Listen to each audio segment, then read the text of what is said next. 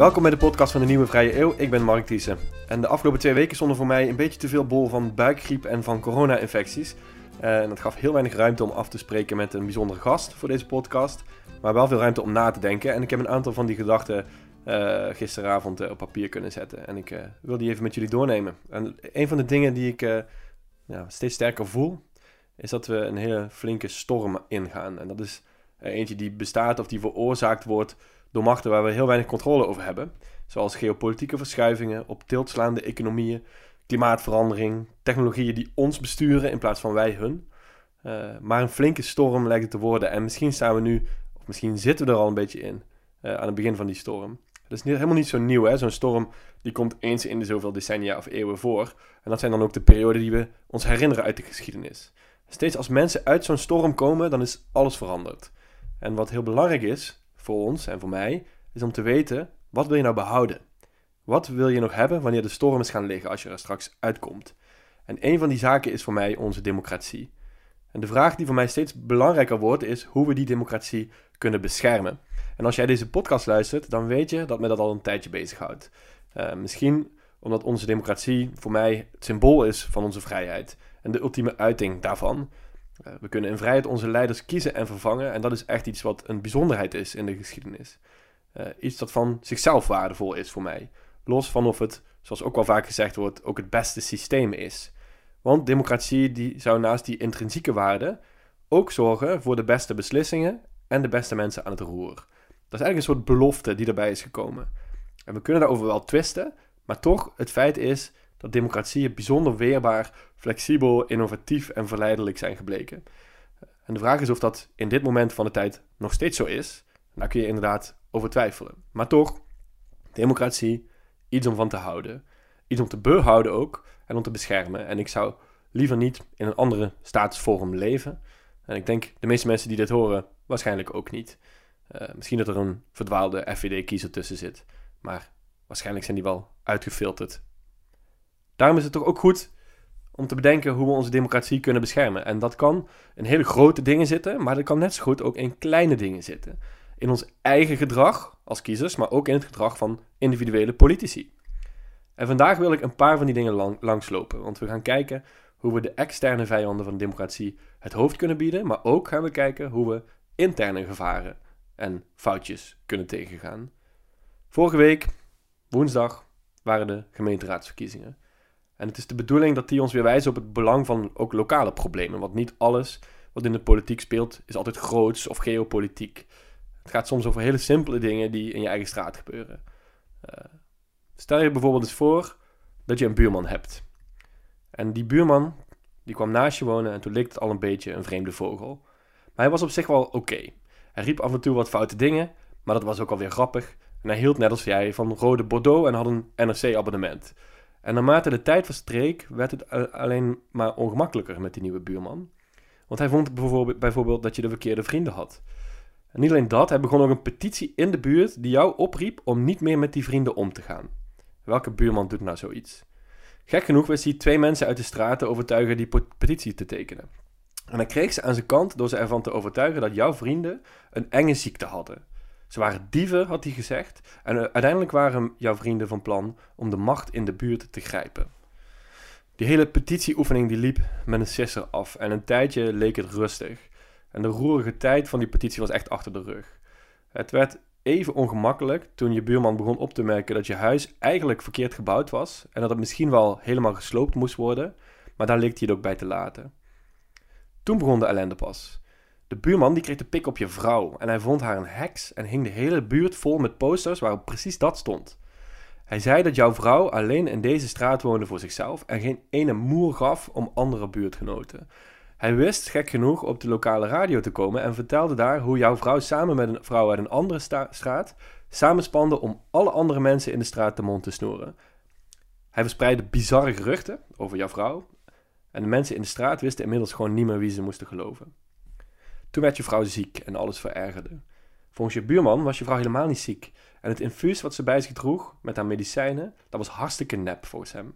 Het was alleen maar bedoeld om buurtgenoten een rat voor ogen te draaien. Hij noemde jou en je vrouw vijanden van de buurt. Twee mede-ondertekenaars van die petitie die waren inmiddels nog woester op jou. Ze konden niet geloven dat de rest van de buurt niet zag waar jij toe in staat bent en wat je van plan bent. Ze waren niet zo goed met woorden als jouw buurman, maar ze vonden wel andere manieren om je dwars te zitten. Ze scholden je vrouw uit als ze over straat liep en ze hingen grote borden voor je deur met hakenkruizen erop en met jouw naam erbij. Hun kinderen die hadden jouw zoontje geslagen en de fiets van je dochter in de grote plas bij de speelweide gegooid. En iemand had in je brievenbus gepist. Op een dag werd je wakker door geschreeuw op straat en daar stonden die twee buurtgenoten samen met nog tien andere mensen uit andere buurten die je nog nooit had gezien en ze scandeerden dat je een verrader was en een moordenaar. En in de achtertuin stond een struik in de fik en je wist niet meer wat je met jezelf aan moest. Je had je toch altijd ingezet voor de buurt, vrijwilligerswerk gedaan, collectes gehouden voor de minder bedeelden, je organiseerde de jaarlijkse barbecue.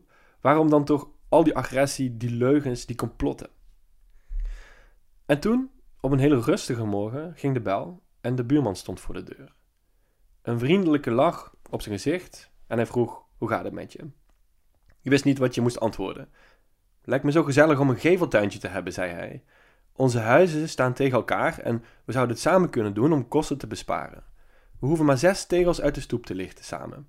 Een mooi randje maken en goede grond erin en dan gewoon inzaaien. Hij ging verder. Ik weet dat we onze meningsverschillen hebben gehad in het verleden. Dat gaat natuurlijk over erg grote en belangrijke zaken.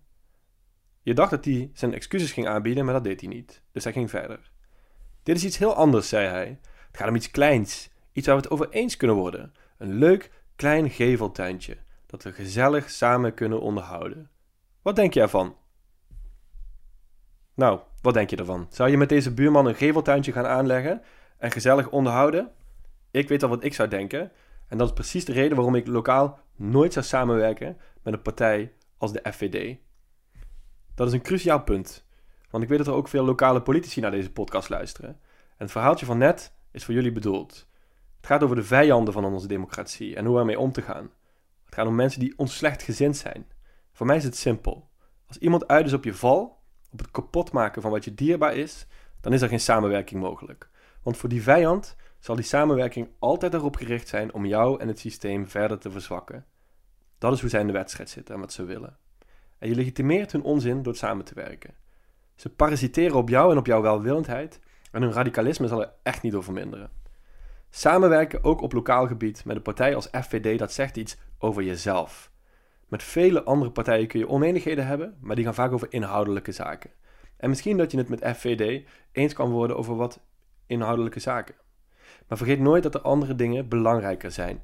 De integriteit van onze maatschappij en onze democratie, de waarden die aan de basis staan van het land dat wij willen. Vrijheid, gelijke kansen voor iedereen, vertrouwen in de waarheid, in de mens, in wetenschap, empathie. Op die waarden zijn geen compromissen mogelijk. En als je samenwerkt met FVD, dan is dat precies wat er gebeurt. Je compromitteert op die belangrijke waarden. Je beschermt de democratie door op te staan tegen haar vijanden, door een grens te trekken. Niet door met hen te gaan samenwerken. Voor mij een hele simpele waarheid, die helaas niet altijd de werkelijkheid blijkt. Genoeg over FVD. Want we hebben tegelijkertijd ook te maken met interne gevaren en foutjes in het systeem, die misschien niet bewust erin zijn gezet, maar die wel tot tot grote gevaren kunnen leiden. En ik zal er een paar langslopen, ook in het kader van die gemeenteraadsverkiezingen en wat er nu in Oekraïne gebeurt. Veel mensen die zullen geschrokken zijn van de lage opkomst tijdens de gemeenteraadsverkiezingen. Je kunt, denk ik, wel honderden redenen aandragen. En het zal nooit echt mogelijk zijn om te bewijzen wat nou precies de redenen waren die hebben bijgedragen aan die lage opkomst. Het is altijd de vraag of er een kausaal verband is. Misschien zijn het wel de grote golven van de geschiedenis die wij helemaal niet zien en waar we weinig vat op hebben, die ertoe geleid hebben dat juist nu mensen even minder gaan stemmen. Misschien zijn mensen verkiezingen moe Misschien hebben we het allemaal al vaak genoeg gehoord. En misschien is het ook tijdelijk en komt het vanzelf weer terug, het gevoel dat we hebben bij verkiezingen. Het is echt lastig om dat precies te zeggen. En toch kun je, zoals gezegd, heel veel kleine dingen benoemen die misschien toch wat uitmaken. En dan is het je verplichting volgens mij, juist omdat het kleine dingen zijn, om daar wat aan te doen. Een van die dingen, die vielen mij op. En dat is het signaal dat politici zelf geven over het belang van verkiezingen. En dat is geen positief signaal. We hebben het hier al vaker gezegd, democratieën die bestaan bij de gratie van de normen die we zelf hanteren. Dat geldt misschien wel het meest voor onze politici. Zij maken onze democratie. Ze geven onze politieke en democratische cultuur vorm. Wat zij doen, dat doet er echt toe. De signalen die zij geven, die doen er echt toe. En wat is het signaal wat een aantal van onze belangrijkste leiders en partijen hebben afgegeven over het belang van democratie? Dat er andere dingen zijn die veel belangrijker zijn. Omdat het electoraal goed uit kan komen, zetten zij zichzelf liever neer als zeer druk bezette staatsman of staatsvrouw, dan dat zij zelf in campagnetijd laten zien hoe belangrijk verkiezingen zijn. We hebben even geen tijd voor campagne. Er is iets groots en gevaarlijks aan de hand in Oekraïne. We hebben geen tijd om de straat op te gaan en met mensen te praten. Geen tijd om te laten zien aan die mensen dat juist nu niks belangrijkers is dan democratie.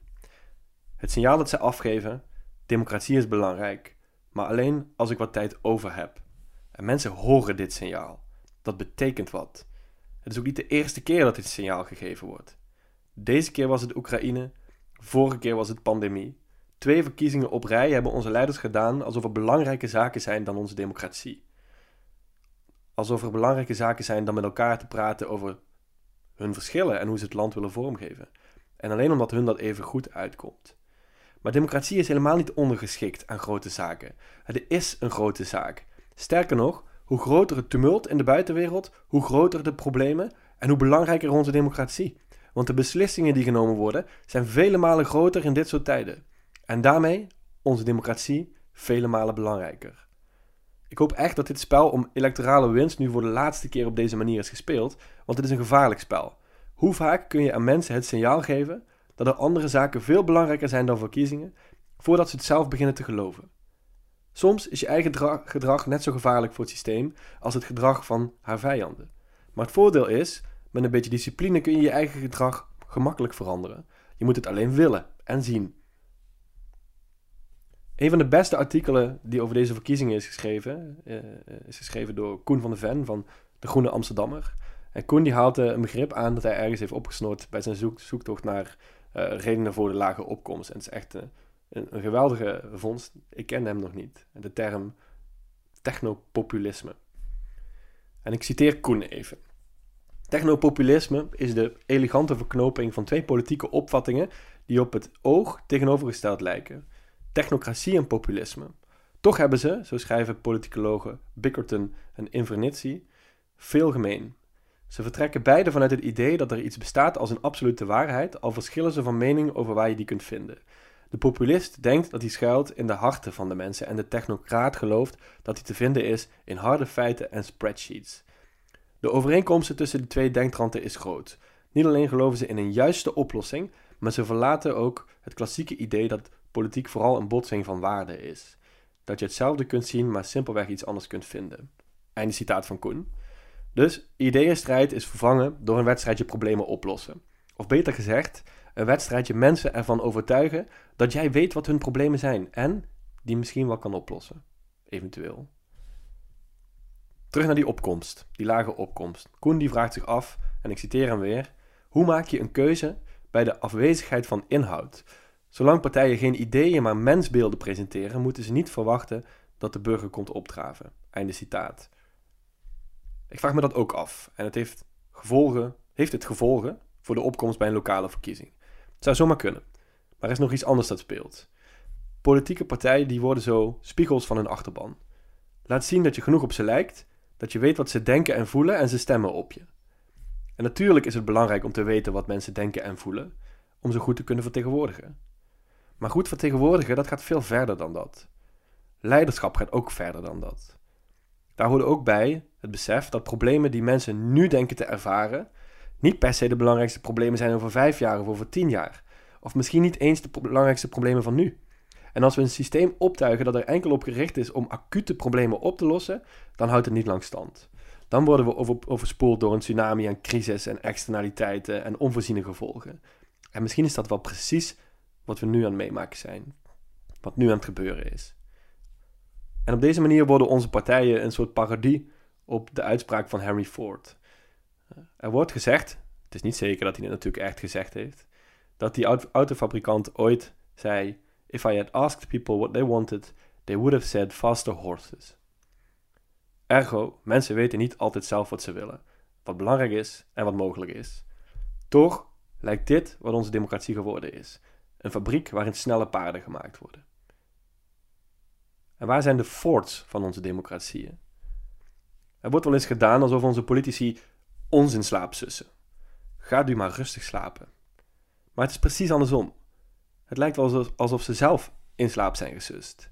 Door kiezersonderzoek, door optimaliseren op groeicijfers, repareren van koopkrachtplaatjes, door debatten over de krant van gisteren en door steeds maar wachten op de volgende crisis voordat ze in actie komen.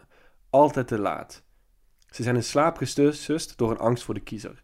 Door een angst om ook maar iets te doen of te zeggen waar, waar ze voor afgestraft kunnen worden in de media. Ze managen ons verval, in plaats van dat ze leiding geven aan onze wederopstanding. En ik dik dit wel een beetje aan. Ik dik dit zeker een beetje aan.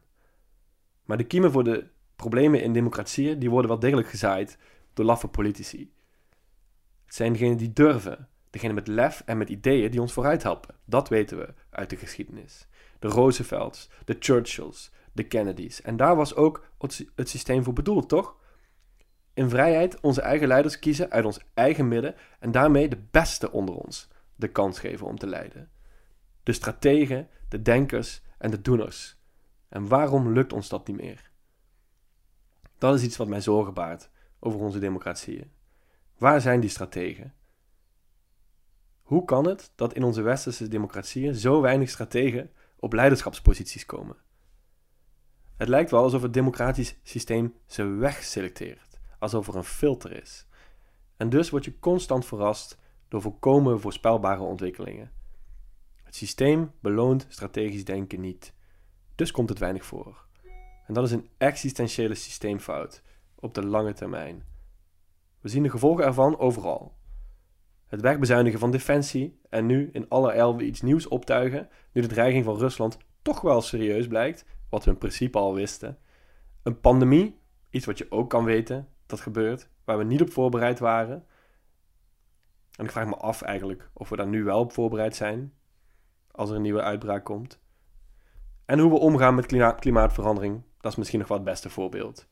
Als we daar pas gaan handelen wanneer het acuut wordt en het lijkt erop dat dat is wat we gaan doen, dan zijn de problemen ineens existentieel van aard.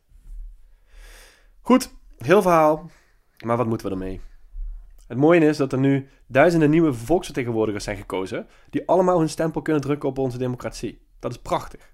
Allemaal mensen die ook nieuw zijn, die als een soort van blank slate hun eigen manier van met de democratie op, eh, omgaan kunnen in de praktijk brengen. Dus we kunnen het ook weer terugbrengen naar het niveau van de individuele politicus. En misschien ben jij wel gekozen tot raadslid en je bent volksvertegenwoordiger nu. Je vertegenwoordigt ons. Jij geeft onze democratie vorm namens ons. Je beschermt haar en daar is dapperheid voor nodig. Zelfreflectie en zelfopoffering. En, een beetje arrogant, maar ik doe het toch. Ik heb drie, drie tips voor jou de komende jaren. Om ervoor te zorgen dat je onze democratie kan beschermen en versterken. Stap 1 is heel simpel. Zorg dat je je nek uitsteekt om de vijanden van onze democratie te dwarsbomen. Ook als jij of je partij daardoor geen wethouders kan leveren. En dat begint met het weigeren te besturen met FVD. Punt. Stap 2 is soms iets niet doen, ook al is het in je eigen belang. Omdat het de integriteit van ons systeem aantast, omdat het de normen op een negatieve manier verandert of omdat het het verkeerde signaal afgeeft aan kiezers. En stap 3, de laatste, is om altijd vooruit te denken. Niet alleen aan de problemen van vandaag, maar juist aan de uitdagingen van de toekomst. Omdat die de potentie hebben veel groter te worden dan wat er vandaag speelt. Als jij niet op tijd bent om er iets aan te doen. Dankjewel voor het luisteren en tot de volgende keer.